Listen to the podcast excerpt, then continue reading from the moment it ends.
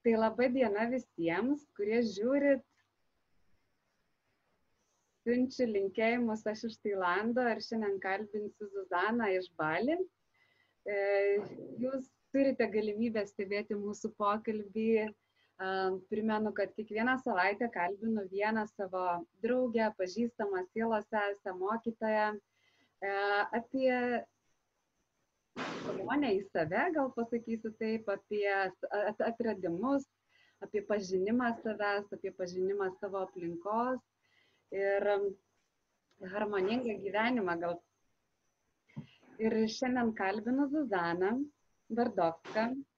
Net nežinau, Zuzana, kaip tave pristatyti galėčiau savo draugę, savo sielos sesę, savo mokytoją, savo kolegę, ko gero, tu man esi labai daug, daug kas viename. Ir labas, labas tau. Labas, Mona, labas visiems. Tai mūsų Aš... pokalbis visiškai yra neplanuotas, ne, ne, nerežisuotas, nepasiruoštas. Tiesiog sėkme, ar ne, Zuzana? Visiškai spontaniškas. Prieš pusantros ar dvi valandas. Susirašytas. Smagu. Tai Zuzana, gal tu galėtum, aš tave tai pažįstu pakankamai gerai, bet gal tu galėtum apie save papasakoti daugiau mūsų klausytojams, kurie klauso irgi iš viso pasaulio. Gal galėtum save pristatyti? Um, tai pirmiausia, paminėsiu tai, kad um, šiuo metu, kaip tu sakei, gyvenu Balyje ir organizuoju patyriminės keliones stovyklas. Ir pastaruoju metu būtent į šitą salą Tai mano kaip ir pagrindinė šiuo metu veikla. Šalia to aš vedu asmeninės konsultacijas, tai kadangi esu toliau nuo Lietuvos, tai dabar pavyksta jas daryti susiskambinus įvairiausiamis interneto sklaidos priemonėmis. Um, taip pat um, dalinuosi su žmonėm būdais, kurie tiesiog natūraliai skleidžiasi per kūrybinius procesus Kartais tai vyksta labai spontaniškai, kartais planuotai. Ir um, kuriu toliau planus. tai planuoju grįžti į Lietuvą ir um, planuoju vesti šiek tiek išplėstas šokių pamokas, nes anksčiau tai dariau labai daug metų profesionaliai. Ir dabar labai noriu pasidalinti su moteriam, su kuriuom daug dalinausi, labiau papildyta versija to, ką gyvenime patyriau. Tai pridedama šiek tiek tokių konceptualių idėjų, kurios e, yra ir su meditacija, ir su atsipalaidavimu, ir tuo pačiu tais pačiais choreografiniais šokiais, vedimu bei kūno fizinio pasirengimu ir, sakyčiau, atpalaidavimu, emocinio, fizinio, mentalinio. tai tokia kaip ir nauja programa dabar irgi turiu. Ir labai laukiu sugrįžimo į Lietuvą. Tai tikiu, kad galimybė susiklostys ir galėsiu dalintis ir Lietuvoje.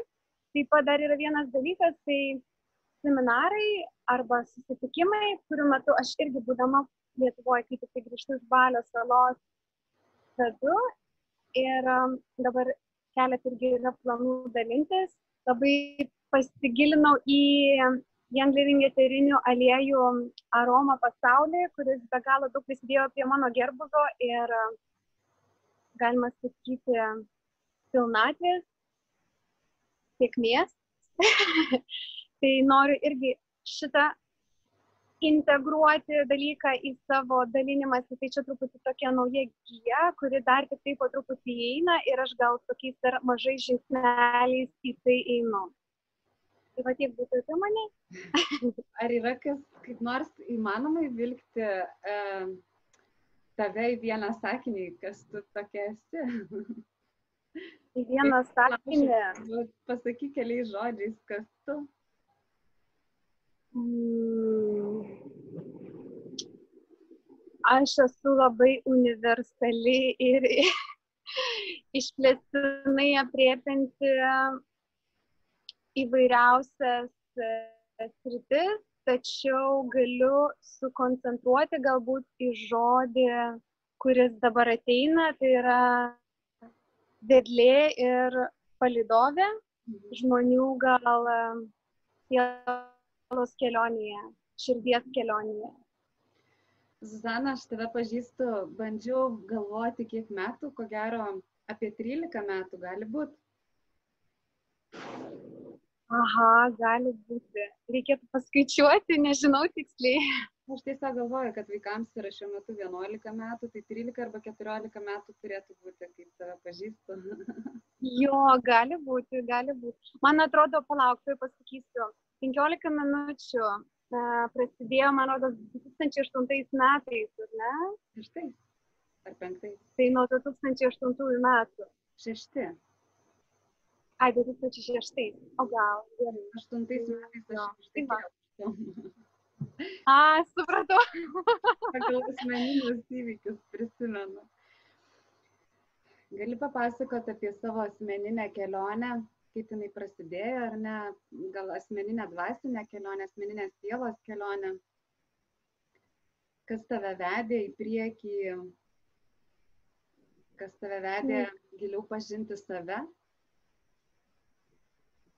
Aš apie tai papasakosiu esu savo puslapyje, tai jeigu sutrumpintai, aš buvau tokioj gyvenimo vietoj, kai išsipildžiau savo svajones ir um, turėjau tai, ko norėjau.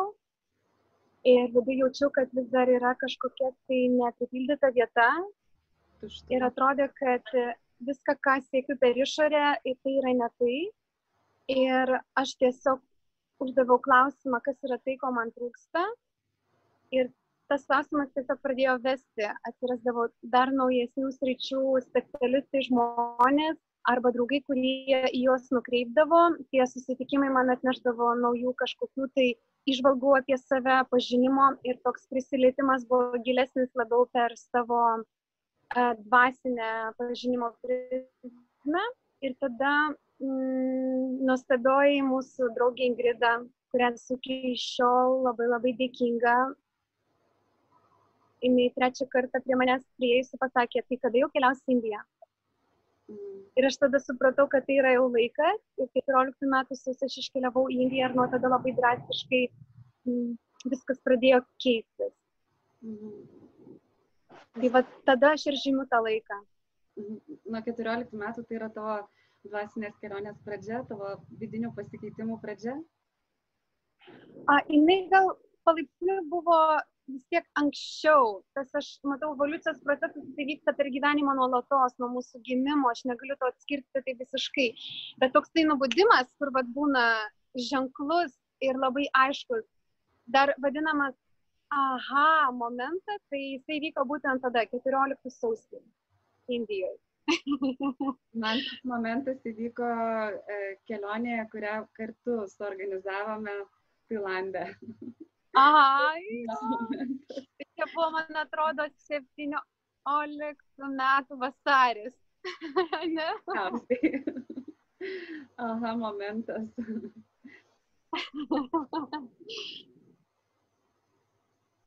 Tiesiog tu turėjai tą visą laiką, ar ne, įvairių atradimų, įvairių mokymų, įvairių kelionių, dvasinių kelionių ir asmeninio tobulėjimo laiką.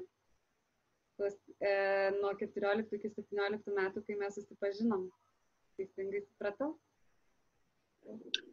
Jo, mano iš tikrųjų seminarai e, pažinimo savęs prasidėjo dar prieš tai, galbūt jau 13 metais tokie pirmesni, bet tokie jau labai gilus per meditaciją, per jogą, jie po Indijos pradėjo plėtotis. Ir um, aš buvau gal tas žmogus, kuris um, niekada neprisirišo prie vienos sistemos. Uh, gal buvo vienas tarpsnis, kur um, aš labai, labai giliai panirau į vieną iš struktūrų, kaip aš sakau, tie paleidimus, nes tame ir pradėjau dirbti ir dalintis, bet visumoje aš visą laiką jau bandžiau ir kodėl religijos skiriasi ir kodėl sistemos skiriasi ir kaip jos viena kitą papildo. Ir tada aš suvokiau iš esmės pati per savo patirtį, kad viskas susiję. Ir dėl to aš ir sakau taip universaliai, kad dalinuosi, nes nėra nei vieno įrankio, kuris pasakyčiau, kad yra pats geriausias. Visi veikia, tik tai kiekvienam tarpsnyje skirtingai, reikalingi jie mums. Tai taip įdomi, aš tave ir kurį laiką mes nebendravom, e, buvo toks tarpas, kai kurį laiką nebendravom, bet būtent per emocijų palydimo techniką aš vėl atradau tave, galima sakyti ir taip. Tiesiog pamačiau internete, kad tu kažkuo daliniesi, visiškai neturėjau jokio supratimo, kas tai yra, kad tu kažkur žmonės vedi ir tiesiog labai spontaniškai man jie matyti jau tas auga, kad norisi man kažkaip, kažkaip keisti kažką savo gyvenime arba keisti tame, ką aš veikiu. Ir norėjusi tas keliones, kurias Tailandė planavom ir organizuodavom, pradėti daryti kažkokias kitokias. Net nežinau, iš kur tas kvietimas toks buvo, bet tiesiog labai spontaniškai uh, iš manęs atkeliavo žinutė tau, kuri vėl atvertė tiek mano, tiek tavo gyvenimą stipriai, ar ne? Buvo tas laikas, Jo, buvo labai įdomu. Aš iš tikrųjų tave žymiu kaip mano patyriminių kelionių kaltininkės, pradžios visos uh, um, uždavėja, nes um, būtent tą mėnesį 2016 metų buvo gegužė, kai tu man parašai, pas mane vyko perversmas gyvenime, visame kame. Ir um, kai vyko tas perversmas, tų kelių uh, dienų netgi bėgyje, tavo žinutė atėjo. Ir man tai buvo toksai kaip ir naujas kažkoks tai įkvėpimo impulsas ir buvo labai labai pozityvi energija. Aišku, paskui įsijungė minčių srautas ir jos šiek tiek davė tokį abejojimą, ar tikrai čia aš esu pasirengusi užsiimti visais tais dalykais ir taip jau, galima sakyti, plačiai ir drąsiai dalintis. Bet priėmiau tai kaip tokį malonų iššūkį ir pasakiau, jeigu tiek kvietimas, pabandykim ir pažiūrėsim, kas įvyks. Ir lygiai po devynių mėnesių įvyko kelionė. Aš sakau, gimė pirmasis kūdikis, pirmoji patyriminė kelionė, kurios metu mes tada su tavim susitikom jau Tailandė ir tai buvo visiškai kitas susitikimas. Kaip iki tol aš vadinu, tai buvo gal mūsų tokia draugystė, o po to aš jau vadinu mūsų galbūt labiau sielos e, sesės seserystės gimimo pradžia. Ir e, tada po jos aš grįžau ir aš jau buvau atsitraukusi iš savo kai kurių veiklų, uždaviau irgi klausimą, ar man reikėtų tai tęsti. Ir tada atėjo kita žinutė iš kelionių organizatorės, su kuria aš bendradarbiavau, kad tai teskime, padarykime dar vieną kelionę, tada aš supratau, kad tai yra tai, kuo aš turėčiau užsiimti bent jau šiuo metu. Tai va. ta kelionė, ta pirmoji kelionė buvo ta, kuri man apvertė gyvenimo aukštinkom, nepaisant to, kad aš irgi kurį laiką praktikavau, domėjausi, lankiau labai jogą intensyviai, festivaliuose dalyvavau, bet būtent per tą retritą mes, neatsimenu kaip jisai vadinosi, greičiausiai patyriminė kelionė Tailandė ar emocijų išsilaisvinimas. Tai aš tą mūsų kelionę, tas dešimt dienų, kiek mes praleidom, dabar tiksliai nepasakysiu kiek, bet aš tiesiog po tos kelionės pasijutau taip, lyg man būtų, nežinau, celitas nuo smegenų nukritęs, man atsiverė, man atsiverė, aš nežinau, ko gero, visas prieš tai buvęs gyvenimas, kurį aš žinojau, jisai kažkur dingo ir viskas pradėjo kurtis iš naujo ir mm. jaučiu labai daug palengvėjimo, nepaisant to, nežinau, ar tu prisimeni, kad ta pati, e, tas pats procesas stovyklos metu man buvo labai sudėtingas ir fiziškai, ir emociškai, buvo labai daug ašarų išlieta. Nežinau, ar prisimeni, buvau praradusi savo balsą visiškai ir visiškai kažkiek dienų negalėjau prakalbėti, koks intensyvus vyko valymasis mano viduje tuo metu. Jo, aš atsimenu visas keliones, kurios įvyko savo ir žmonių procesus. Uh, ir visada kaip ir tai lydi mane. Ir uh, kas man yra gražiausia tose kelionėse, vad kodėl galbūt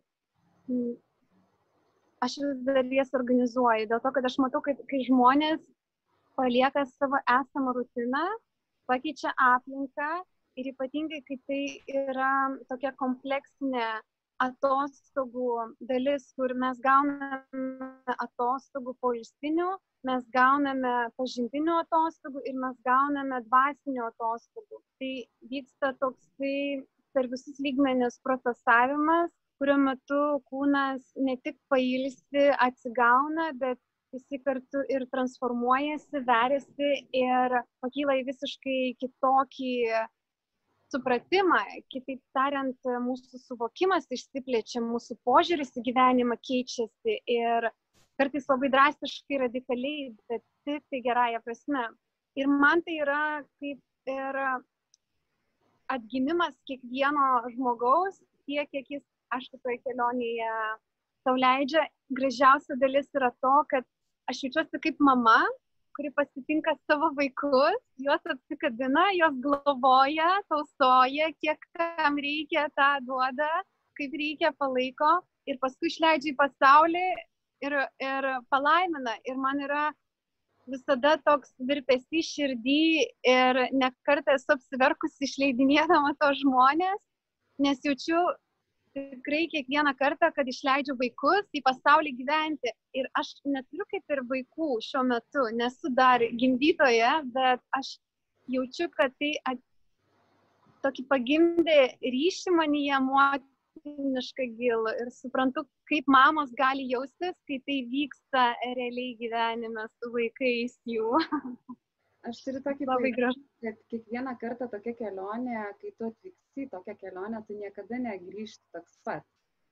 Nepriklausomai nuo to, kas mm. vyksta ir tavo gyvenimas negrįžta į ten pat. Ir aš tiesiog stebiu tų žmonių, vat, kurie su mumis tą pirmą kelionę pasileido į tą nuotykį ar ne. Ir man atrodo, kad ten visų gyvenimas apsivertė. Labai daug pradėjo mokyti ar ne, daug atradimų daugam įvyko. Na, aš tiesiog gal ne visas šiuo metu žinau, kas ką veikia, bet tiesiog uh, nuostabus perversmai prasideda galbūt ne iš karto, bet uh, palaipsniui. Palaipsniui. Man įsidėmėjo pirmoji kelionė tuo, kad e, ten susirinkę žmonės, visi, būtent lietuviai visi, um, pradėjo mokyti, pradėjo dalintis, pradėjo vesti žmonės, visi absoliučiai. Ir man tai buvo, wow, aš palaipsniui pradėjau stebėti, kaip kieno gyvenimas kinta ir tai buvo toks gražus parodimas, kad visa tai veikia ir labai stipriai ir veda į dar pilnesnį gerovės kupiną gyvenimą. Dėl to tiesiog nelieka abejonė apie tai, ką darau. Ir tai yra be galo gražu ir gera daryti. Tiesiog lengva netgi daryti.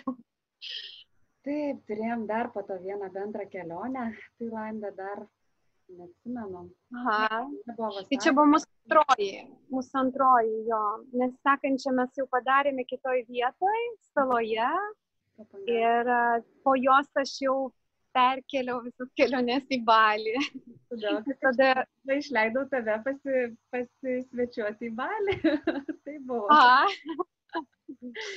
Jos atsimenu tą momentą, kai ryte atsikėliau ir sakau, Simona, ar mano skrydžiai atšaukti ar ne, ar gongo ugnikalnis išsiveržė ar ne, nes iki paskutinės minutės nežinojau, ar išskrisiu.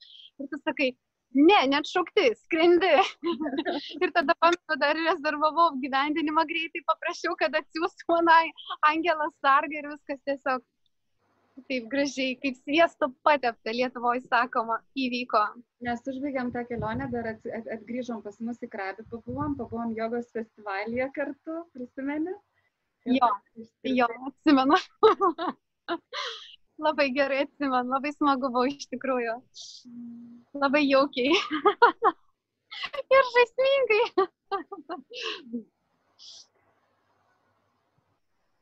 Tos kelionės iš tiesų, vat, aš galvoju, žinai, kaip ir tu pasakėjos, visada būna ne tik tai bet paprasta kelionė išvažiuoji, kuo jinai skiriasi, jinai skiriasi tuo, kad tu matai gražius vaizdus, taip tu atsipalaiduoji, tu valgai tą kitą maistą, tu esi kitoj kultūroje, kažką matai.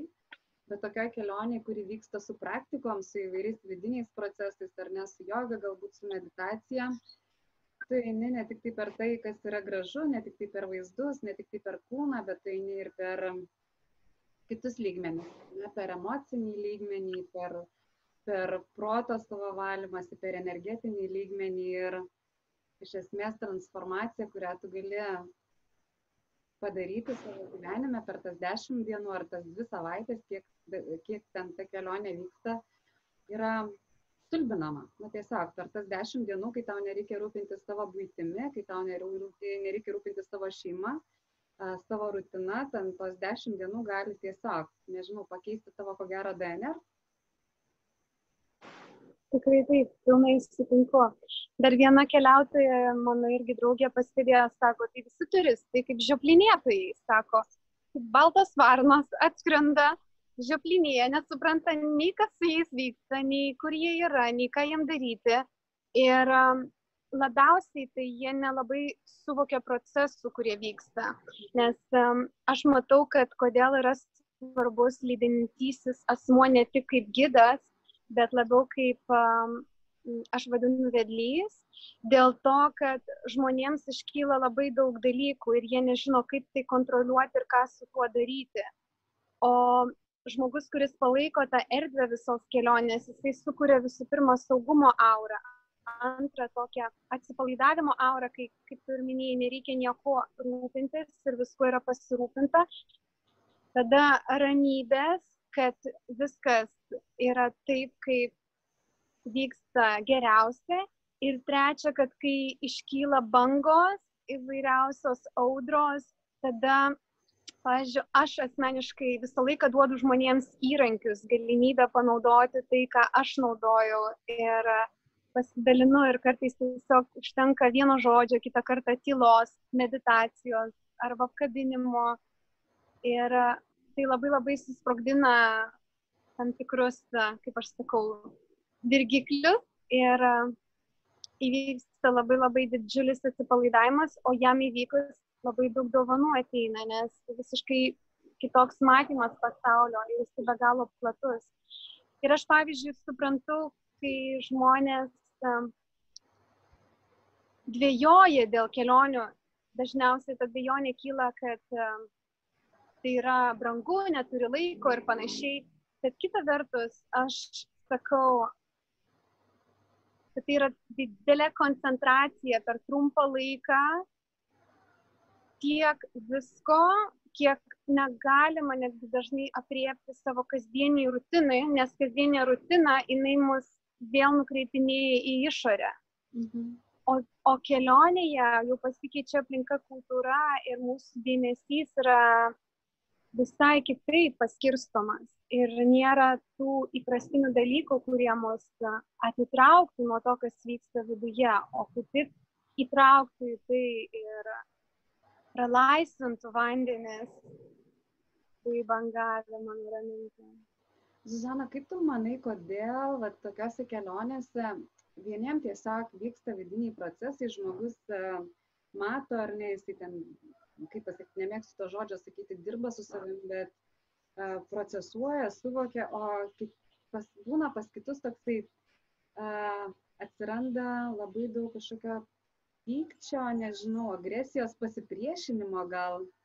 Tu esi pastebėjęs tokį dalyką ar ne, kad vat, būna grupėje, nu, tokio, iš kažkur būna, kad ateina kažkam toksai, vat, įtampa Nežinau, ar supratai, ką noriu pasakyti. Jo, aš supratau. E, aš pastebiu irgi šitą tendenciją, kad kiekvienoje grupėje atsiranda vienas, du arba, sakau, dešimt procentų nuo grupės santykyje žmonių, kurie yra tokie, kurie labiau atsitraukia stebi, mažiau įsitraukinėja į tai, kas vyksta ir dar kelia pasipriešinimą tam, kas vyksta ir kartais tai daro mm, pasyviai, o kartais labai intensyviai. Ir aš tai priemu kaip tokį pusiausvyros žmogų, kuris irgi subalansuoja ir kartu suprantu kitą e, pusę, kad mes visi skirtingi, mes visi turime savo evoliucinį procesą, mes visi reaguojame taip, kaip reaguojame ir tai kaip oras, nenuspėjamumas, kaip kiekvienas reagu, reaguos į tam tikrą klimatą, kuris yra, ar ne. Ir aš dažniausiai tokius žmonės dabar palaikau taip, kaip jie kviečia, ar ne, tarkim, pastebėjau vieną tendenciją iš paskutiniųjų mano patyriminių kelionių, kad aš pagirbiu juos ir aš dažnai pasakau tai ir um, leidžiu jiems būti tame, kame jie yra.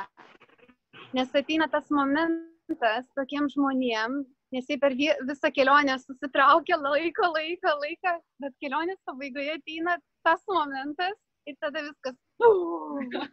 Tik tai truputėlį galingiau negu kitiem, kaip jie leidžia palaipsniui. Ir tada, kai yra ta akimirka, aš tada visą laiką būnu šalia ir pasistengiu, kad labiausiai galėčiau palaikyti taip, kaip reikia tą žmogų, kad jam būtų paprasčiau išgyventi visą tą išsiveržimą, sankaupos, kurią laikė. Ir tuo metu aš dažnai netgi kartais ir pasijokiu iš to. Tar, tarsi mes aperčiam tai tokį kaip ir mm, juoko žaidimą. Tarsi žaidžiam žaidimą kelionėje ir kartais padarome iš to tokį lengvą juoką. Nežinau, ar supranti, ką turiu omeny, kad tarsi netrodytų, kad tai yra tiek, tiek rimta, kad žmogus labai labai dramatizuot dar stipriau į tai įkristų, o atvirkščiai. Mhm. Na, labai įvairiai, čia iš tikrųjų niekada nėra vienodų situacijų. Ja. Visą laiką, visos kelionės, visi žmonės, viskas skiriasi, niekada nebūna vienodai ir dėl to man irgi labai patinka šita veikla, nes tai yra tokia nenuspėjama. Ir tai yra toksai įdomus filmas. Prasideda filmas ir stebi filmą, visus siužetus, kaip vyksta, kaip herojai elgesi ir paskui baigėsi filmas. Galvoju, oho, geras. Net negalėjau taip sugalvoti. Šitie žmonės ir šitos kelionės visada man yra labai didelė pamoka. Uh, iš, uh, iš jų labai daug ko galima išmokti ir šitų kelionių. Aš dar pastebėjau vieną tokią tendenciją, kad kiekvieną kelionę, nu, kadangi mes keletą darėm kartu, paskui tu išskridai į Balį, Balį pradėjai daryti, aš pradėjau Tailandį organizuoti tokias keliones, gal ne tokias, bet panašias. Ir pastebėjau vieną tendenciją, kad kiekvieną kartą e, grupė, ta prasme, tu specialiai nerenki juk nei žmonių, visi susirenka iš skirtingų pasaulio vietų, skirtingų, skirtingo amžiaus, skirtingų patirčių, skirtingų suvokimų bet aš tokią tendenciją matau, kad kiekviena grupė turi tam tikrą vieną kažkokią mintį ar idėją ar kažkokią energetinę liniją, per ką visi yra susiję, stipriau na, susiję per daug dalykų tie žmonės būna, bet kažkokia tema eina truputėlį giliau kiekviena, kiekvienos, kiekvienos kelionės metu negu kitos temos. Ar esi atkreipus dėmesį šitą? Jo, esu ir, ir pastebiu, kad tai ateina iš pačios intencijos. Jeigu mano intencija kelionės yra atitinkama, tai pagal tą intenciją susiformuoja grupė. Ir jeigu aš labai intenciją gilinu, tai dažnai būna netgi atkrenta žmonės, kurie pačioj pradžioj sakė, kad aš labai noriu keliauti, bet jie tiesiog galbūt dar nėra pasiryžę, gal nėra tam tarpsnyje pasiruošę tam, kam mano intencija veda. Ir kai jie atkrenta, aš labai suprantu, kad tiesiog kiekvienam ateina tas geriausias laikas. Ir nepaisant to, kad ten priežasčių visada visi sugalvoja daug, bet galima perskaityti viską tarp eilučių, nes iš tikrųjų tai tarp žodžių viskas pasakyta, ne, o ne žodžiuose dažniausiai. um, nežinau, kaip tu daugiau darai kelionės dabar moteriams ar kelionės visiems, Ar, ar, ar darai keliones moteriams, ar darai, ar atvirą dažniau darai?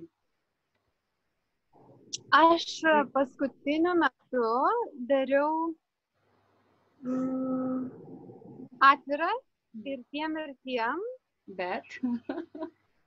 tai buvo paskutiniai kelioniai vyrų bet um, buvo kelionių 18 metais, kai aš pasakiau intenciją, kad aš noriu moterų kolektyvę, tai vyrai net nesikreipė, net nesidomėjo. Tai galbūt labiau kaip aš išjaučiu, nes pas mane ateina idėja, aš tiesiog, aš nesėdžiu, negalvoju, ką aš noriu daryti. Aš atsibundu ryte ir ateina idėja ir aš jaučiu tą idėją ir aš tada klausiu, kaip aš ją matau, kaip aš norėčiau, kad būtų. Ir kartais tai tiesiog vat, vienas prisėdimas ir vienu prisėdimu gimsta ir dažnai kelionės gimsta mano tokiuose nestandartinėse situacijose, kai aš to, tą dieną planuoju visai kitus dalykus ir aš atsėdu, padarau visą programą. Tai, tai ir veda. Dažnai iš tos programos matosi, kad tai yra kelionė moteriam, o šita kelionė gali būti ir moteriam, ir vyram. Mano turiu tokį vieną klausimą. Aš kartais grupėse arba kažkaip būna, kad paskaitau arba pamatau, kad moteris pačios labai dažnai moterų kelionės kritikuoja. Nu, pačios, kurios niekada nėra buvę, bet mm. uh, sako, kad moterų kelionė yra nesąmonė. Ką tu galėtum tokia moterim pasakyti? Tikrai būna. Kiek kad... pati nesąmonė, kiek ir sąmonė. Pirmas sakinys atėjęs. Mm, ką aš galiu pasakyti, kad um,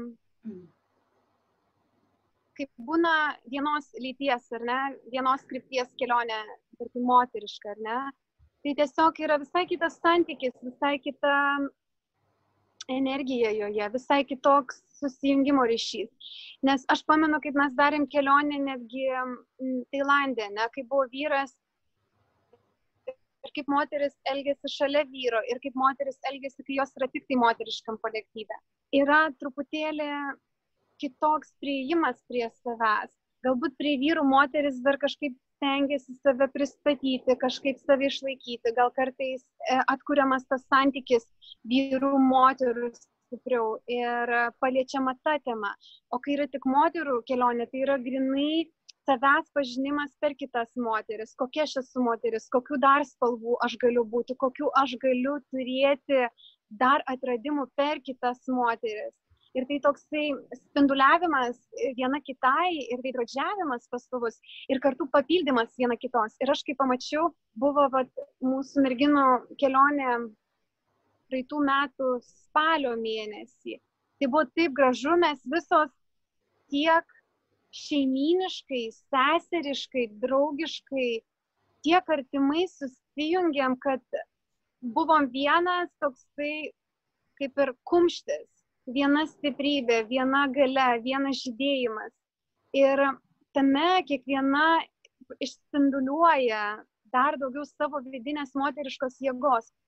O aš manau, kad moterim pirmiausia reikia pažinti savo moterišką energiją ir ją išskleisti. Ir tas visas kokybės pažinti labai lengva, pažįstant kitas moteris. Ypatingai jeigu žmogus nėra linkęs labiau atsisukti savo vidinį pasaulį. Man, aš kartais galvoju, kad moteris kartais bijo kitų moterų nežinau dėl ko, gal dėl to, kad e, kažkaip užprogramuota yra moterys konkurencija su moterim, ar ne, kad jeigu yra kita moteris, tai jinai galbūt gali, nežinau, nuvilioti tavo vyrą ar kažkas tokio, kad e, nu, yra toksai pasąmoniai labai pas daug ką likę, nesakau, kad ten pas tave ar pas mane ar pas mus, bet tiesiog labai daug moterų nemėgsta kitų moterų galbūt dėl to. Ar nežinau, kaip tu manai. Aš pastebiu tendenciją, kad tai yra galbūt Lietuvos agregoras yra. Ir šita tendencija vyrauja mūsų mažoje šalyje, kur galbūt e, ta konkurencija dėl saugumo pojūčio programų aktyvuojasi. Pavyzdžiui, Balyje aš tokios tendencijos nepastebiu visai. Ir moteris čia yra gale, vyrai bijo moterų, jos jas gerbė jie žino, kad moters žodis yra tokia gale ir čia yra ne iš vieno vyro pasakota, kaip moters neigiamas žodis, intencija į vyrą sužlugdo jį. Mhm. Ir dėl to jie labai yra atsargus. Ne tiek, kad jie ant pirštų galiukų vaikšto per gyvenimą, bet tiek, kiek jie labiau prieina prie moters iš pagarbos ir iš atsidavimo joms. Aš matau, kad Lietuvoje yra truputėlį kitaip. Ir dėl to, pažiūrėjau, man Balis kuo patinka ir apskritai Azijos šalis, nes jos tokios minkštos, žmonės čia tokie klampus ateina žodis. Ir tas minkštumas leidžia mums visiems, kurie mes Europoje tokie pasiruošę kovoti, išlikimas, išgyvenimas, nes tokia istoriškai tendencingai situacija visą laiką dėliojasi, ar ne? Ir tai pažvelgus, kas, kas vyko, suprantama, kodėl Lietuvoje yra taip, kaip yra, kodėl moteris yra tokios, kokios yra ir vyrai yra tokie, kokie yra. Ir iš to matosi, per kurias vietas reikia prieiti ir atstatyti, nes tai nėra sveikas požiūris į gyvenimą ir ypatingai į santyki su savimi. Tai aš, pavyzdžiui, matau, kad Azija tam yra labai tinkama, nes jinai padeda moterim sušvelninti save ir iš tos kovotojos, iš tos vyriškos tokios jėgos pereiti moterišką jėgą, kuri veikia subtiliai, kuri veikia švelniai, kuri tiesiog veikia be, be prisilietimo, o per vidinį būvį. Ir per tą buvimą vyksta tokie dalykai stebuklingi ir dažnai nereikia net piršto pajudinti. Na, e, vakarų Europoje apskritai mūsų tose vakarietiškose, vakarietiškoje kultūroje vyriška, moteriška energija visiškai praradus balansą. O rytų Europoje gal net ir labiau, ar ne? O man balis, bet pavyzdžiui, tas e, dvasinių praktikų, dvasinių mokymų ir mokytojų trikampis yra balis, Tailandas, Indija, ar ne? Tokios trys pagrindinės Azijos, tada yra Pietų Amerikoje ten, bet um, čia ne mūsų sritis, neliesim. Tai Tailandas, Balis, Indija, tos šalis, kurios labai keičia, aktyvina tavo energiją, ar ne? Tai kas liečia vyrišką, moterišką energiją, Balis labai ypatingai moteriška, šalia, moteriška sala, ar ne moteriškos energijos, gal ne moteriška, nereiktų taip sakyti. Um, Tailandas galbūt daugiau tokio balanso yra, čia daugiau toks uh, kiti dalykai, ne kiek vyriška, kiek moteriška, čia daugiau ramybė, daugiau pagarbos šitoj šalyje gali gauti, o Indijoje dar kiti dalykai. Ten stipresnė, sakyčiau, vyriška energija, nors moteriškos energijos labai daug, ten jinai kitokia yra negu Balija, ar ne? Bet Aš... Balija, taip, ten yra dominuojanti vyriška, bet, bet moteriška irgi jinai yra, tik tai jinai gal tokia, kur eina per vyro labiau energiją, gal taip pasakyčiau. Nu, bent jau. Jo, per vyro prisime. Aš sutinku. Man vien... Moteris, moters, moteriškos energijos išsilaisvinimui labai nuostabi vieta. Sutinku. Ir čia, kai atvykau, aš atsimenu pirmą kartą, va tada kaip tik palikusi Tailandą, um, pamenu, sutikau moteris, kurios jau gyveno pusę metų, metus Balyje ir irgi tokios kaip aš atvyko ir jos sako ir niekada neišvyko. Tai man buvo beveik panašiai. Tai jos sakė, vyrai atvykę į šitą salą, jeigu jie lieka čia gyventi, jie labai sumoteriškėja. Jie tampa tokie labai minkšti, jie tampa tokie labai irgi subtilus. Ir labai tas jaučiasi, pažiūrėjau, aš kai gyvenau, na, iš tikrųjų atrodo, kad net pasijūgsiu tokiu vyrišku vyru. Ir atvažiuoja tokie europiečiai kartais, iš karto matosi skirtumas, atkeliavę žmogus šviežiai netgi balio vyrai, jie yra irgi tokie švelnus vyrai. Yra tendencingai, mm, galbūt jie tokie labiau jo, iš moteriškos energijos daugiau veikiantys.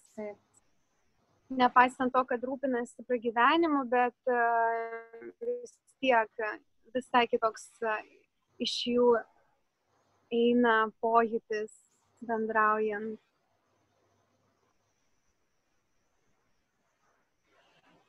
Iš tiesų, kiekviena, kiekviena šalis, kurią tu pasirinksi, šitos šalis turi ir, ir panašumų nemažai, bet ir labai didelių skirtumų yra, ar ne? Galim trumpai palyginti Balį ir Tailandą? Um, mano patyriminės kelionės, kai prasidėjo Tailandė, tai aš jaučiu, kad ir iki šiol matau, kad Tailandas turi tokią, man labai angliškai apibūdina žodis stillness. Mhm. Tai yra romumas ir tokia tyla. Ir labai tai jaučiasi iš pačios religijos, kurie ateina per budizmą. Aš jaučiu, kad yra tame tiesos, kad užsiminiai, jog vyriška ir moteriška energija ten susibalansuoja ir jaučiasi tas toksai bangavimas tarp jos labai harmoningas. Kas liečia balį, tai čia man jaučiasi visiškai tokia kūrybinė sala, kur labai dominuoja rankdarbiai, viskas per meną, per grožį, per tokį lengvumą, paprastumą. Ir dėl to čia labai norisi atsisakyti visokių tokių kaukių priedų ir, kaip aš sakau, nereikalingų sluoksnių rūbų ir bagažo. Labai paprastas. Labai... Aha. Per, per, labai paprastas dalykas. Ateik į kokią nors vietinių kavinę Tailandę, nu paprasta, ar ne, gatvės maisto, tau ten šlep, tep, įdėsi plasmasinę, nežinau, lėkštę, ten stiklinė plauta, nedaplauta, o balė, kur tu nueisi, bet kur nueisi, visur bus įdėta gėlytė, ar ne, papuošta. Nesvarbu, ar tu ten valgai už eurą, ar tu valgai už 10 eurų, visada bus tokio grožio, ar ne švelnumo ir minkštumo įdėta. Jo, sutinku. Ir jo labiau čia yra daug aukojama, o kai aukojama, jie vis tiek krepšelius ruošia su gėlėm, su smilkalais. Tai yra įprasta visą laiką jausti gatvėse smilkalų kvapą, yra įprasta matyti daug gėlių tiek ant žemės, automobilių, motorolerių, tiek tai ant įvairiausių skulptūrų ir gyvybių. Ir um, tas kuria tokį grožį ir pati sala yra labai žalia, labai joje žaluma išpuoselėta ir kur be nuvažiuosi, visur yra žalia, išskyrus vat, galbūt ugnikalnis, bet vis tiek jie nedominuoja visose salos peizažuose. Tai labai tas padeda atkurti tokį ryšį su gamta, su natūralumu. Ir man tai yra labai labai artima su mumis, moteriamis, nes mes turim tą ryšį su gamta. Ir viskas labai vyksta natūraliai ir organiškai. Tai aš sakyčiau, kad čia tą atkurti yra labai labai lengva, nes čia tiesiog bet, išskėstom rankom pasitinkanti visa šita aplinka suteikia galimybę tam be pastangų vykti. Pavyzdžiui, Indija jau yra kitaip. Indija, jinai man tokia, kiek tokia grėsminga, aštri, jinai tokia, kaip aš sakau, balis man yra tokia jo mylinti mama, o Indija toksai griežtas tėtis, bet labai irgi mylintis. Bet tėtis jau kaip kerta per užpakalį, tai net maža nepasirodo. Tiesa, turiu tokią labai panašų, panašią, panašų suvokimą apie šitą šalis irgi. Uh, Gali, Zuzana, trumpai papasakot patyriminę kelionę, ar ne, tas žodis naudojamas, mes truputėlį palėtėm tai, bet tiesiog žmonės šitose kelionėse gauna vedlį, ar ne, ar tave, ar mane, arba kažką kitką, kuris veda ne tik tai per tuos vaizdus, ne tik tai per vietinių maistą, kavines, ar ne, nuostabu, kai turi galimybę vesti tas žmogus, kuris su ta vieta yra gerai susipažinęs.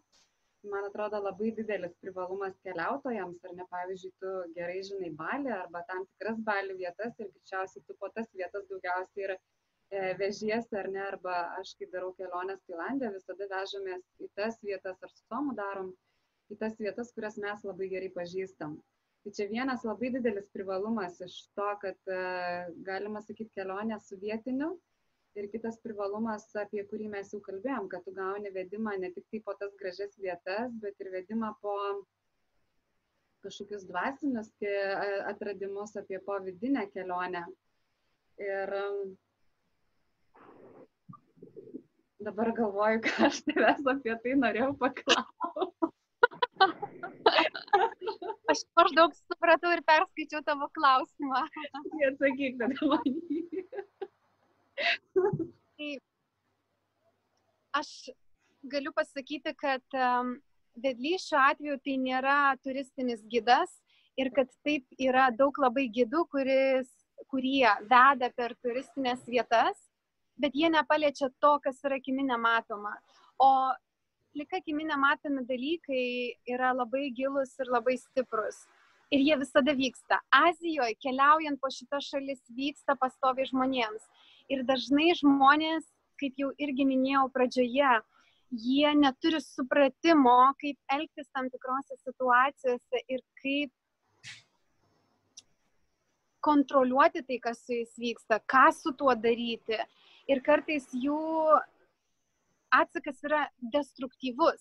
Tai vietoj to, kad destrukciją pakeisti ir harmonizuoti savo procesą, reikia žmogaus, kuris jau žinotų tai, būtų tai praėjęs, matytų ir suprastų dvasinius dalykus, kultūros tą dalį, kuri yra netgi patiem gyventojam dažnai net, net neapčiuopiama, nes yra žmonės, kurie ir čia gyvenantis, jie tik papasakoti gali, bet jie prie to nėra prisilietę. Kai žmogus yra prisilietęs, tai yra visiškai kitoks prieimas. Ir tada viskas labai lengvai vyksta. Tada neįvyksta, kaip aš sakau, nelaimingo atsitikimo, o įvyksta viskas palengva. Ir nebūna kažkokių tai nuosmukių, o būna tokie daugiau galbūt suklupimai, kai tave ranka pakelia, padeda tau paeiti ir tai yra vis, visiškai kitoks tada jau kelionės metu būna buvimas. Ir kitas dalykas, kad ką aš matau, kad um, turistiniai gydai vis tiek plaukia paviršiumi, bet kai jūra paneri, ar ne, ir kai tu neriai, ar ne, kai tu matai jūrą, va, aš dabar matau priešai save visą jūrą ir bangavimą jos matau. Bet kai aš paneriu ir pavirši, paviršiniu nardau, tai aš matau visai kitą vaizdą. Bet kai aš paneriu dar giliau, 15 metrų, atsiveria kitas pasaulis, atsiveria kiti pojūčiai, sensorika kitaip veikia, atsijungia mintys, ar ne, tada prasideda visai kitas savęs patyrimas tai vat ten dažnai kaip ir nardyme reikia žmogaus kuris ar ne kaip nardytojas už rankos palaikytų kuris tau pasakytų kvėpuoti primintų ar ne? Ir tie dalykai yra svarbus išgyvenimui išlikimui. Tai aš lygiai taip pat matau ir šitose mūsų kelionėse. Ir tada kaip tu irgi jau esi užsiminusi tai yra visiškai kitoks atgimimo atgyjimo prasiskleidimo būvis, nes žmogus tiesiog atgimsta ir jis išvažiuodamas sako, tai aš iki tol netgi negyvenau, arba turėjau. Jis suvokė, kad aš netgi ne, net nesuvokiau, kad gali būti taip. Jis tiesiog pamato pasaulį kitokiomis akimis ir jisai supranta, kad dabar tik tai yra jo gyvenimo pradžia. Ir dažnai atsisuka ir sako, tai kur aš anksčiau buvau. Ir tada žmonės man sako, kodėl tos kelionės tiek kainuoja, tiek užtrunka, bet dažniausiai pabaigoj, kai jie išdrįsta ir atkeliauja, jie sako, tai yra neįkainojama, tai nei, net neįmanoma į jokią sumą įdėti. Bet tą gali suprasti tik tas žmogus, kuris širdim patiria ir visų savim. E, yra toksai pasakymas, kad e, kelionėse sunkiausias lagaminas yra tas, kuris yra nematomas, kurį mes nešiojame savo viduje. Mm Tai tokiuose kelionėse tas lagaminas būna paliekamas toj šalyje, kur vyksta didelis svarsmas tavo viduje. Man patinka labai šitas, šita metafora, bet jinai yra labai tiksliai apibrėžinti, kas įvyksta tose kelionėse. Jo, aš pritariu. Dar vienas dalykas, kalbant apie Balį, Tailandą, Indiją, tai yra labai stiprios karminės šalis, ar ne, kur tikima karma ir man atrodo, kad visą laiką, kai atvažiuosi į tokią šalį, tai tai, ką tu atsiveši, tai tą būtinai gausi ir atgal. Jeigu tu labai greitai nesu, nesuprasi, kad tai turi palikti ir nesivežti, toliau nesitampyti per tą savo kelionę, ten tų dviejų savaičių, bet ten gali palikti pirmą, antrą dieną ar net trečią, bet jeigu tu to nesuvoki ir visą tą savo negativumą ir visą tą savo šešėlinę pusę, jeigu nešiosiesi ir jinai tau, jinai tau šit, šit, ne tik šitos kelionės apskritai, bet kokios kelionės, ar tai dvasinė važiuoja ar ne, bet čia e, bus šimtai, gal tūkstančiai progų, pamokų, kada tu turi tai sustabdyti pats. kuo tu daugiau atsiveži vidui emocinio sunkumo, tuo mm, labiau vėluos tavo autobuso vairuotojas. Zuzana, aš nebematau. Aha, Aha, dingo. Tavęs nesupras, ką tu užsisakinėjai, nes būtinai kitą patiekalą kavinėje, Jeigu tu nevalgai svagūnų ir tris kartus paminėsi, kad tu nevalgai svagūnų ir tai darysi su piktumu, būtinai tau pridės svagūnų. ir, nu, ta prasme, nu, taip karma grįžta šitų, šitose šalyse, kad uh, kaip, nežinau, su pagreičiu važiuoti riedlentę nuo kalno gal, tada tiesiog, nu, tu atsibampini ar ne vis atsitrenki į savo tas pamokas, kurių tu vis dar neišmokai. Zuzi vėl, aš nebematau. Aha, toj. Čia mano kompiuteris. Gerai. tai va, tai apie ką. Aš norėjau dar pridurti. Jo, dar noriu paklausti, aš tai noriu labai pridurti prie tavo pasakojimą, nes tai atėjo mintis.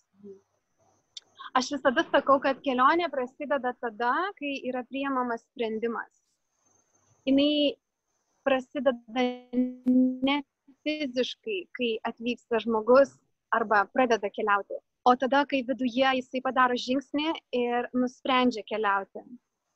Ir bent jau mano atveju, kai aš sukuriu intenciją ir susikūrė pati idėja ir tada kvietimas ir pradeda formuotis grupė ir kai aš jau pamatau grupės pamatą ir kai jau jisai užsitvirtina, nuo tada aš jau rūpinuosi tai žmonėm, net jiems to nežinant.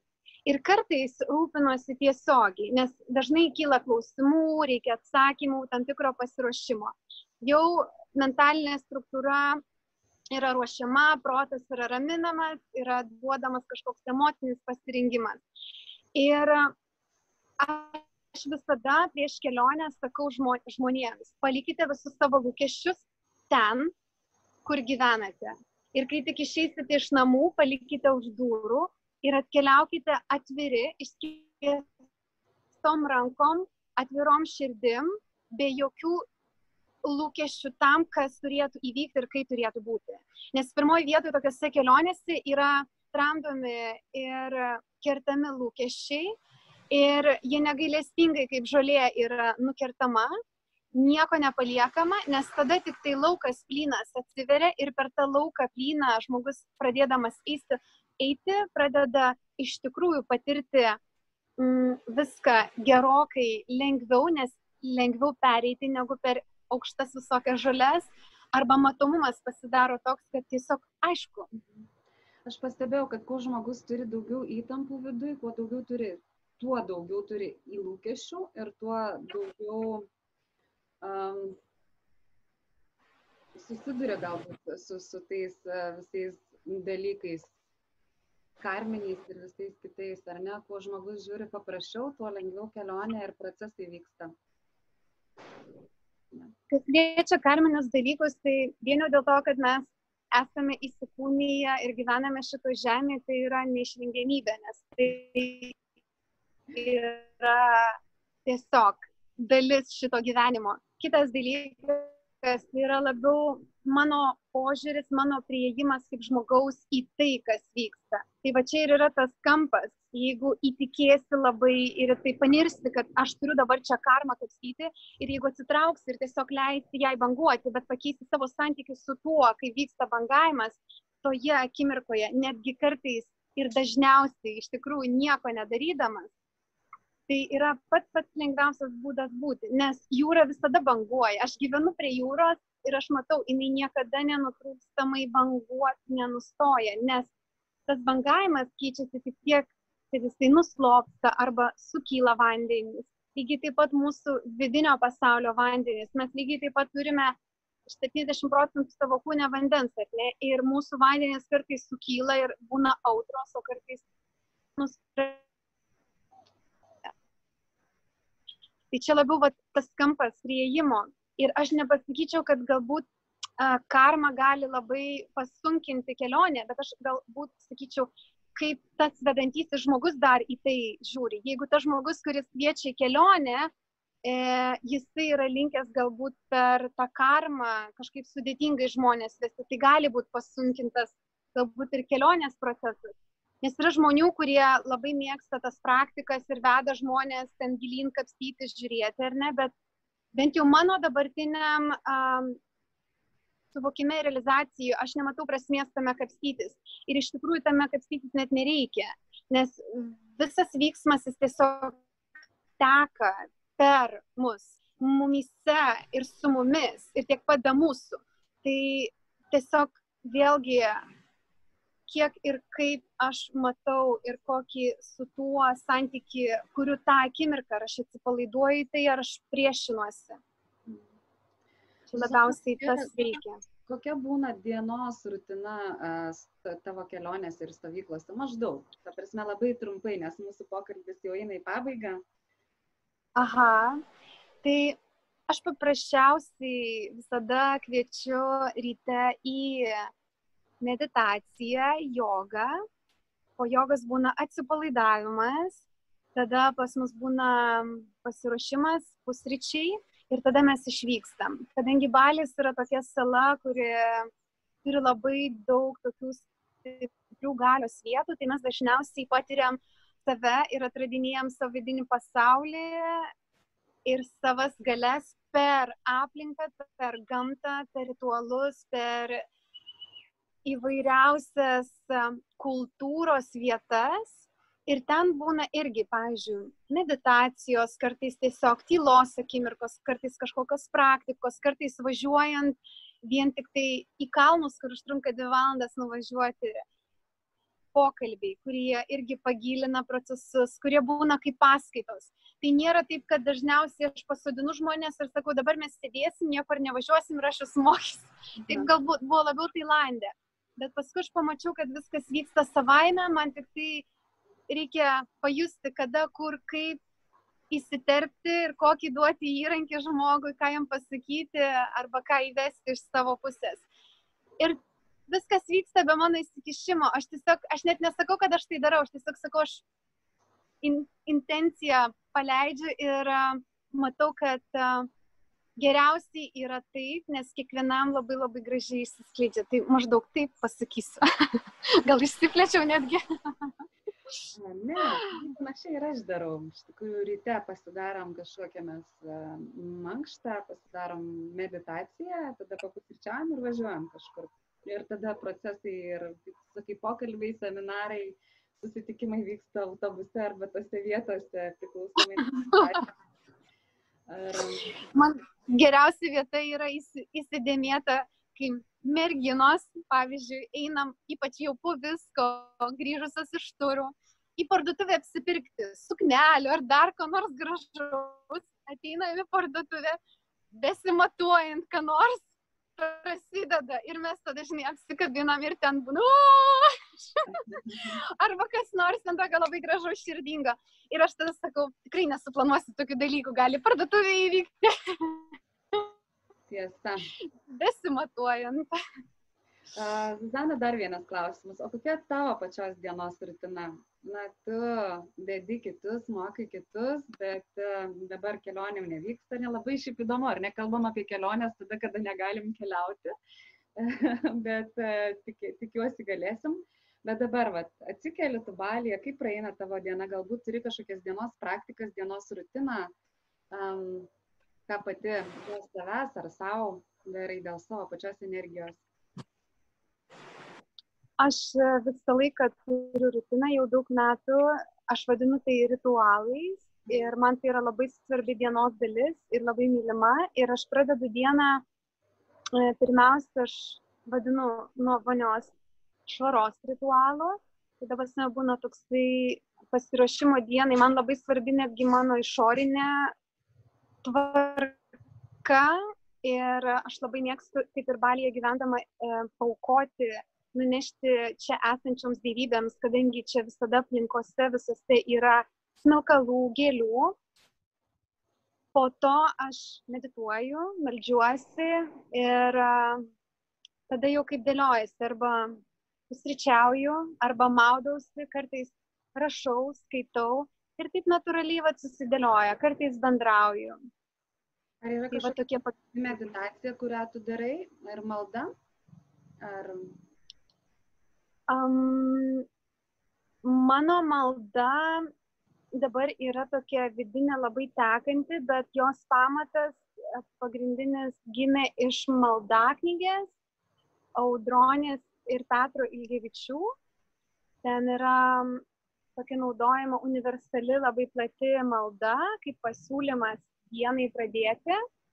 Ir aš dabar matau, kad pas mane tiesiog būna kartais tokia malda poema tekanti iš vidaus, kuri yra galbūt mano gyvenimo maldų pasakoje kaip rezultatas. O kas liečia praktiką, meditaciją, tai aš darau kryją jogą meditacijas kiekvieną rytą. Tai, ką atsinešiau iš kryją jogos ašamo, kai tenai gyvenau Indijoje. Tai galėtum toks įvykis, kuris yra labai stiprus um, viso mūsų energetinio švarumo, skaistumo, skaidrumo palaikymui. Zuzana, a, prieš užbaigiant, vieną prašymą turiu.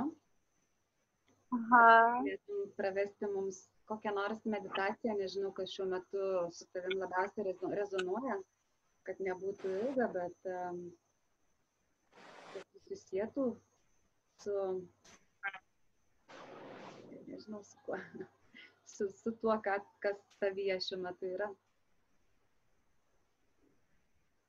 Visada yra taip geriausia, ne? Pažiūrėkim, kas nutiks, aš irgi nežinau, kas bus. Žiūrėkim.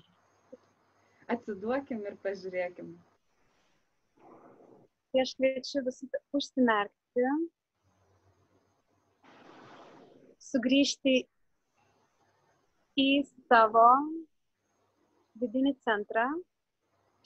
Tai yra tarp antakių, dar vadinama trečioji akis. Ir leisti savo įsilieti, atsipalaiduoti ir sutelkti visą dėmesį jame. Dar kitaip, tarp abiejų pusrutulį, per vidurį.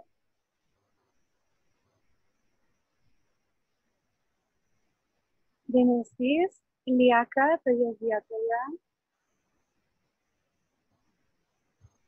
Aš esu.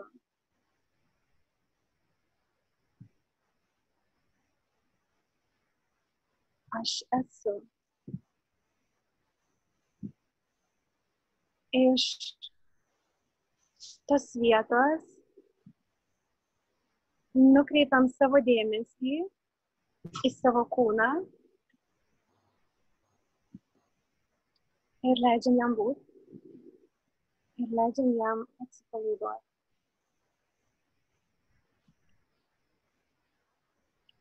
Taip kaip yra.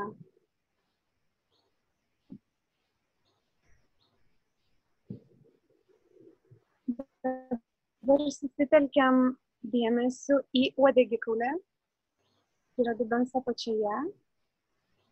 Ir per nugaros galinę dalį įkvepiam.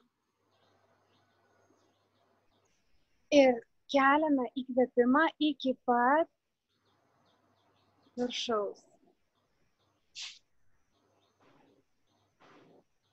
Ten, kur esu. Trečiosios akies. Centro tarp abiejų pusrutulių. Su iškvėpimu leidžiame per stuburo priekį. Ir vėl įkvepiam per stuburo galinę dalį.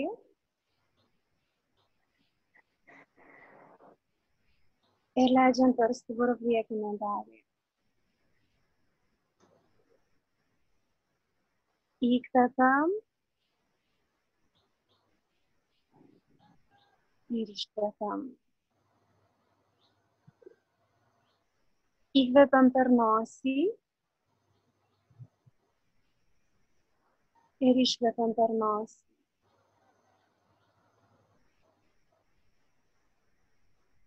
Stebime kvepavimą.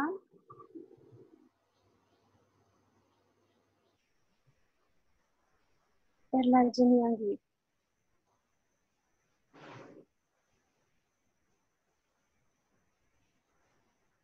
Ir leidžiam būt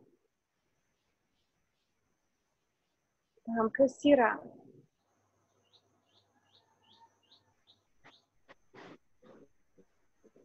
Ir atsipalaiduoti kiekvieną iškvėpimo metu giliau ir giliau. Įkvėpti tai, kas atrodo netarnauja gyvenime. Iškvėpant atpalaiduoti ir atsipalaiduoti. Įkvėp dar kartą. Stuburo aukšti. Iškvėpti stuburo per priekį žemyn.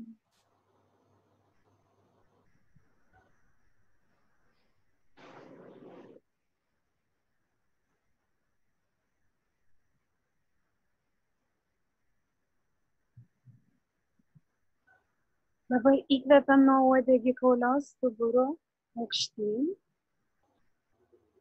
Iškvepiam per galvą, išleidžiam viską, bet iškvepiam žemyn.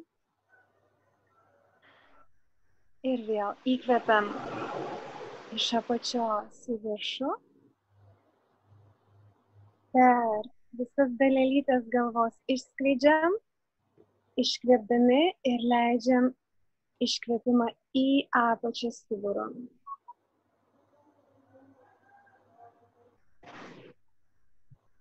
Tarsi tai, kas susikaupia kūne, išeina ir atsipalaiduoja.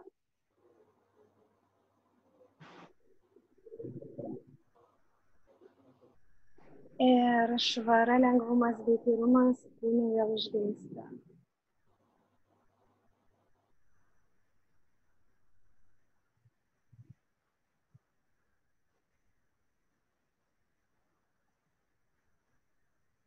ir tai vyksta savaime. Be jokios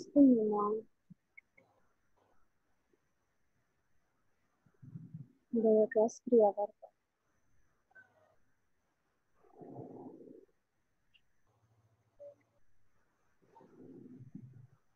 Be jokio stengimuose.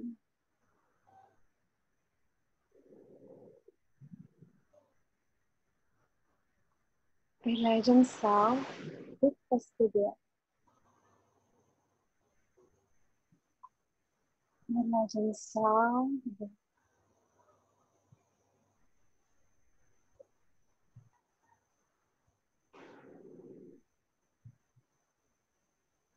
būti. Pastebėk, kad tu jau esi. Tu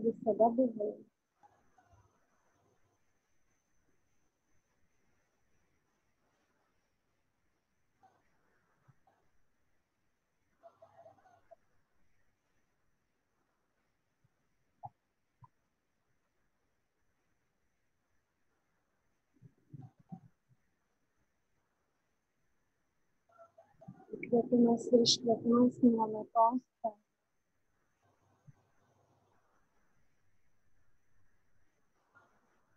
Tavo dėmesys nukreiptas į centrą tarp antakių. Visą laiką išlieka tenai. Ir tu leidi savo tame ilsėtis. Leidi savo tame atsipalaiduoti. Leidi savo tame ištirpti. O gyvenimo bangavimai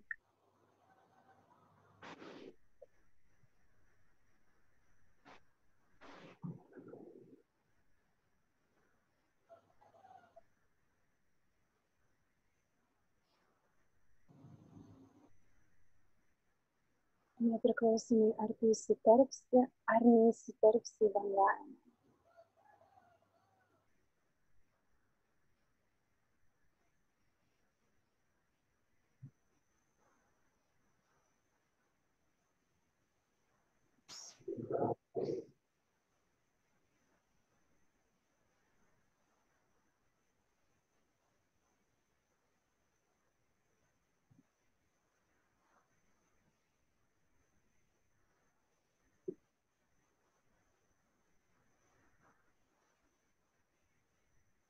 Tavo dėmesys lieka ten, kur ir buvo. Net jeigu yra daug minčių, net jeigu yra daug vyksmo aplinkui, net jeigu yra daug garsų, net jeigu yra distrakcijų. Kaip ir visas gyvenimas vyksta tada, kai tu užsimerki, taip jis vyksta, kai tu atsimerki. Leisk jam vykti ir būti savo centre. Tavs tėtis nu, ir iš ramybės, kuris skleidžiasi iš tavęs. Net tada, kai didžiausia audra aplink išdėti.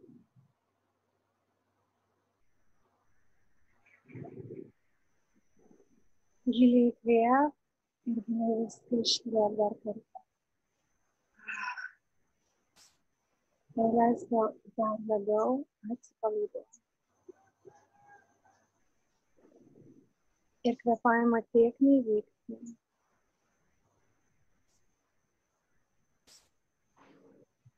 O kai būsi pasiruošęs, labai lietai, neskubėdama, palaipsniui atsimerk ir lik ten, kur esi. Tau.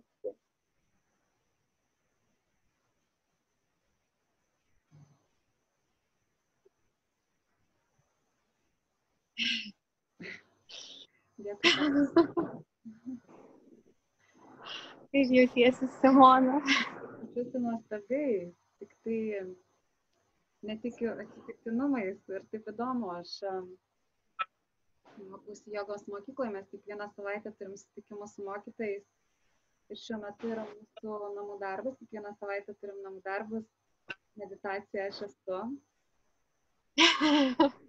O, aš pati savo dienos praktikas turiu, tai šiuo metu darau kundalinį kvepavimo meditaciją. Tai taip, žinai. taip viskas susirezonavo. Mm, Ačiū tau labai. ačiū. Esu dėkinga iš viso širdies. Apskritai už mūsų susitikimą, mūsų gyvenimo kelionę, kuri tęsiasi. Tokia širdinga, gera visada prisiminti ir a, atkeliauti pas tave į svečius į Tailandą ir svečiuotis a, seseriškai, draugiškai. Apskritai paskutinį kartą tai jaučiausi kaip šeimos narė pas jūs. Labai fainai. Tikiu, kad e, kelionė ir toliau mūsų tęsis ir nedraugė susitiksime ir e, fiziškai kažkur kažką dar įgyvendinsim Nebe- gražaus. Nebejoju. Ar yra kažkas, ką dar norėtum pridurti prie šio mūsų pokalbio? Aš nebent galiu pasakyti, um, jeigu kažkam širdis labai atliepia su manim susisiekti, tai esu visada atvira ir nesvarbu, kokia intencija, klausimas ar netgi nežinojimas veda, kviečiu man parašyti, nes širdis žino geriausiai. Ir galiu palinkėti klausyti savo širdies ir būti drąsiems ir veikti iš jos, net tada, kai yra labai baisu. Nes tai reiškia, jūsų laukia didžiuliai stebuklai. Ir jie tikrai protų niekaip nesiplanuojami. Nu ką, Zuzana, dar kartelį dėkoju labai tau už šitą ekspromtą, spontaniškumą, ne, nes tai ir yra meditacija apskritai, ne, daryti kažką Jo, spontaniškai. jo. Man atrodo, Aš nuostabu. dar pa- vis gavosi, nežinau, ką, kaip įvertins į mūsų klausytojai. man taip skritai visada yra geriausia tai, kad mes su tavim tai patiriam, taip kaip jaučiasi mums, o toliau jau tiesiog palies tuos, kuriuos turi paliesti. Turėtų paliesti, jo.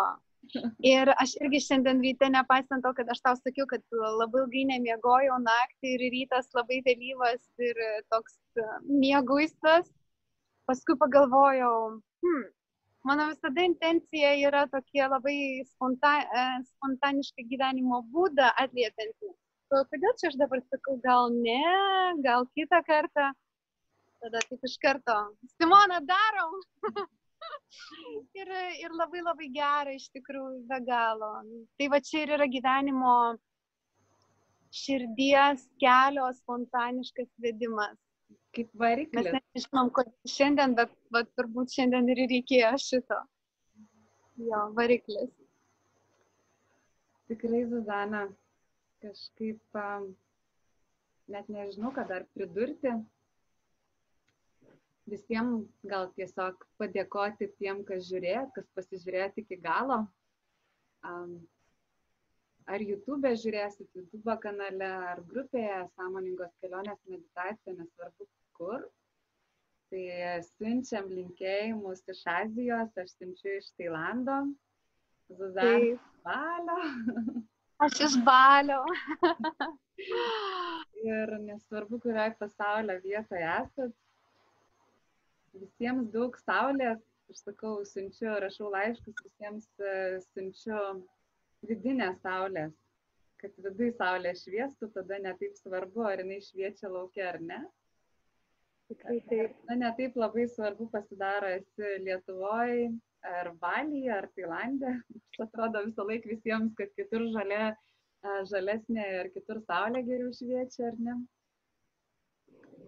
Bet, jo bet iš tiesų tai aš visą laiką prisimenu Budą, kai išėjo, paliko žmoną su savo naujagimiu sunu, sunum, gimusi pirmą dieną ir išėjo. Ir grįžo po 12 metų, sūnui buvo 12 ir žmona klausė, ar kai jisai pasidalino savo atradimais, jinai jo tiesiog paklausė, ar tu to negalėjai atrasti būdamas čia, um, namuose. Jisai sako, galėjau, bet tuo metu to nežinojau. O labai nuostabi mintis. Čia kartais užtrunka kelionė nueiti, kad tą suprasti. Dėl to mes ir esam, ar ne, Simona?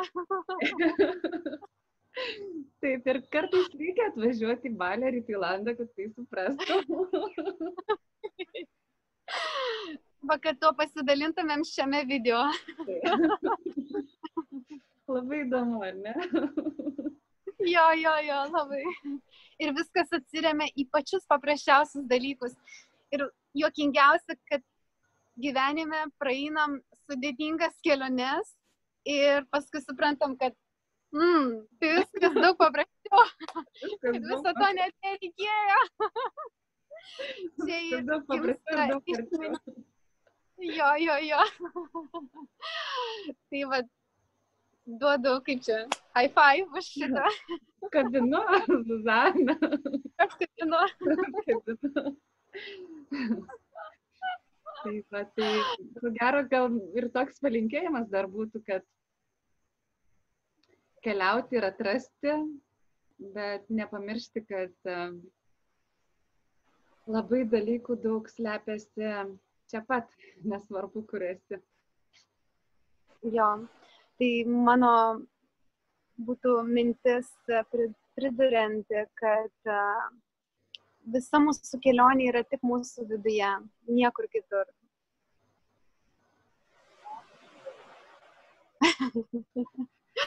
tai, Zuzana, ką, tada užbaigiam šitą pokalbį ir dėkui visiems, kurie pasižiūrėjo, e, dėkui tie, kurie dalinatės savo širdelėm, savo laikais, kurie komentuojat, kurie dalinatės su savo draugais. Jeigu manote, kad šitas pokalbis gali būti naudingas jūsų aplinkinių ratai, galite pasidalinti, mes busim su Zuzana abidvi labai dėkingos. Zuzanos, Zuzan, aprašymą apie Zuzaną, prisistatymą ir visus kontaktus rasite komentare, tiek YouTube, tiek grupėje. Susisiekti galite su abiem. Ir nežinau, gal tiek šiandienai ir pasimatysim su kitą savaitę. Kita pokalbį su kita mano draugė, o šiandien visi linkėjimai ir apkabinimai ir būčiniai Zuzanai, mano draugiai, mano Ona. mano draugiai, mano, mano mokytojai, mano sielos sesė ir ten viskam, kam, kame, nes tarp mūsų ryšio, ryšio daug yra ir man atrodo šitam pokalbį mes labai gražiai vieną kitą papildėm. Sutinku, labai ačiū labai širdingai iš visos pasaties. Ir ačiū visiems, kurie esate. Iki.